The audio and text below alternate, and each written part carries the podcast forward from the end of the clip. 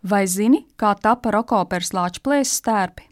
Par to šodien Lāčplēša dienā pastāstīšu es, tērpa māksliniece un rokopers Lāčplēs tērpa autore Evija Dāboliņa. Zigmāra Liepiņa un Mārs Zālītis 1988. gada leģendārās rokopers Lāčplēsis tērpa autors Uģis Rūķītis radīja tam laikam ģeniālus tērpus. Šie tērpi, kas pārdzīvoja savu laiku, diemžēl aizmirstībā sapuva kādā noliktavā. Tūlīt pēc simtgadus dziesmu svētku atbildīgā un godpilnā darba man nekavējoties nāca jauns izaicinājums - veidot tērpus atjaunotajai 30. jubilejas gada rokoperai Lāčplēsis. Zigmārs Liepiņš, Mārs Zālīt un producents Juris Millers man uzrunāja šim darbam. Uzdevums bija radīt ko pilnīgi citu - tērpus šim laika posmam, šai paudzei. Skaidrs, ka kopēt iepriekšējos tērpus nevarēju. Ar ko es sāku? Sāku ar sarunām ar libreta autori Māru Zālīti. Neskaitāmās tikšanās reizēs izanalizējām tēlus, apspriedām jau nulle tapušās manas tērpu skices. Vairāk kārtīgi noskatījos 88. gada iestudējumu ierakstu, meklēju savu interpretāciju. Pirmais, pie kā es ķēros, bija teicējs.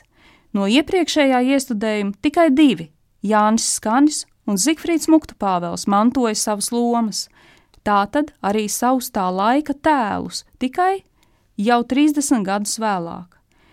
Nemitīgi uzdevu sev jautājumus, vai esmu pareizi sajutusi tēlu būtību, vēstījumu skatītājam. Un tad raisījās arī citi tēli.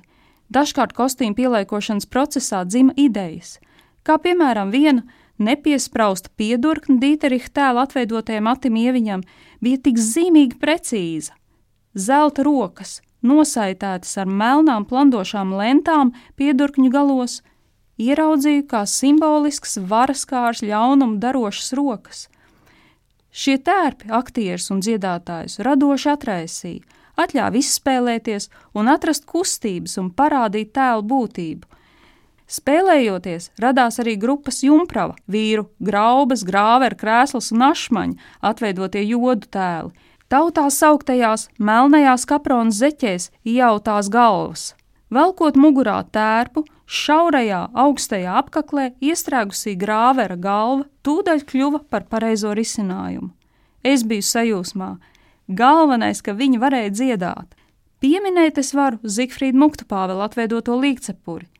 Zigfrīds, balstoties savā skatuves pieredzē, nelabprāt, lai neteiktu atsakās vilkt parūkas, un vispār pat tuvumā sejai neatļauj būt matiem, ko var dziedot ieraut mutē ar ielpu.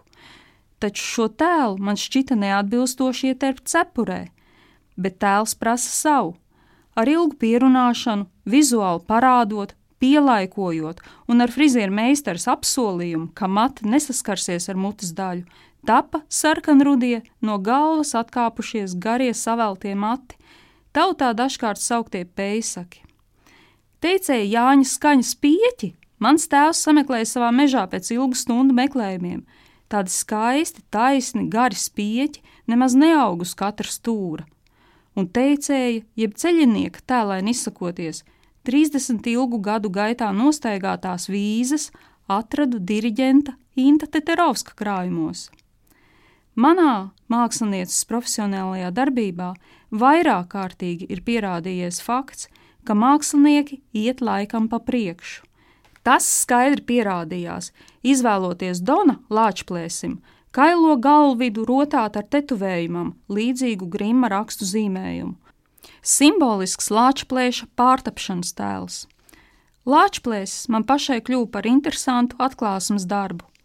Pati spēju vien brīnīties, no kurienes atnāk kaut kad pieredzēti atmiņu fragmenti, sastājas vajadzīgajās vietās un sakārtojas vizuālajā vēstījumā. Radošais gars nepieviļ. Radoši, intuitīvi savienojās gan mans studijas etnogrāfijā, gan tērpu vēsturē, uztaustīts un uzminēts.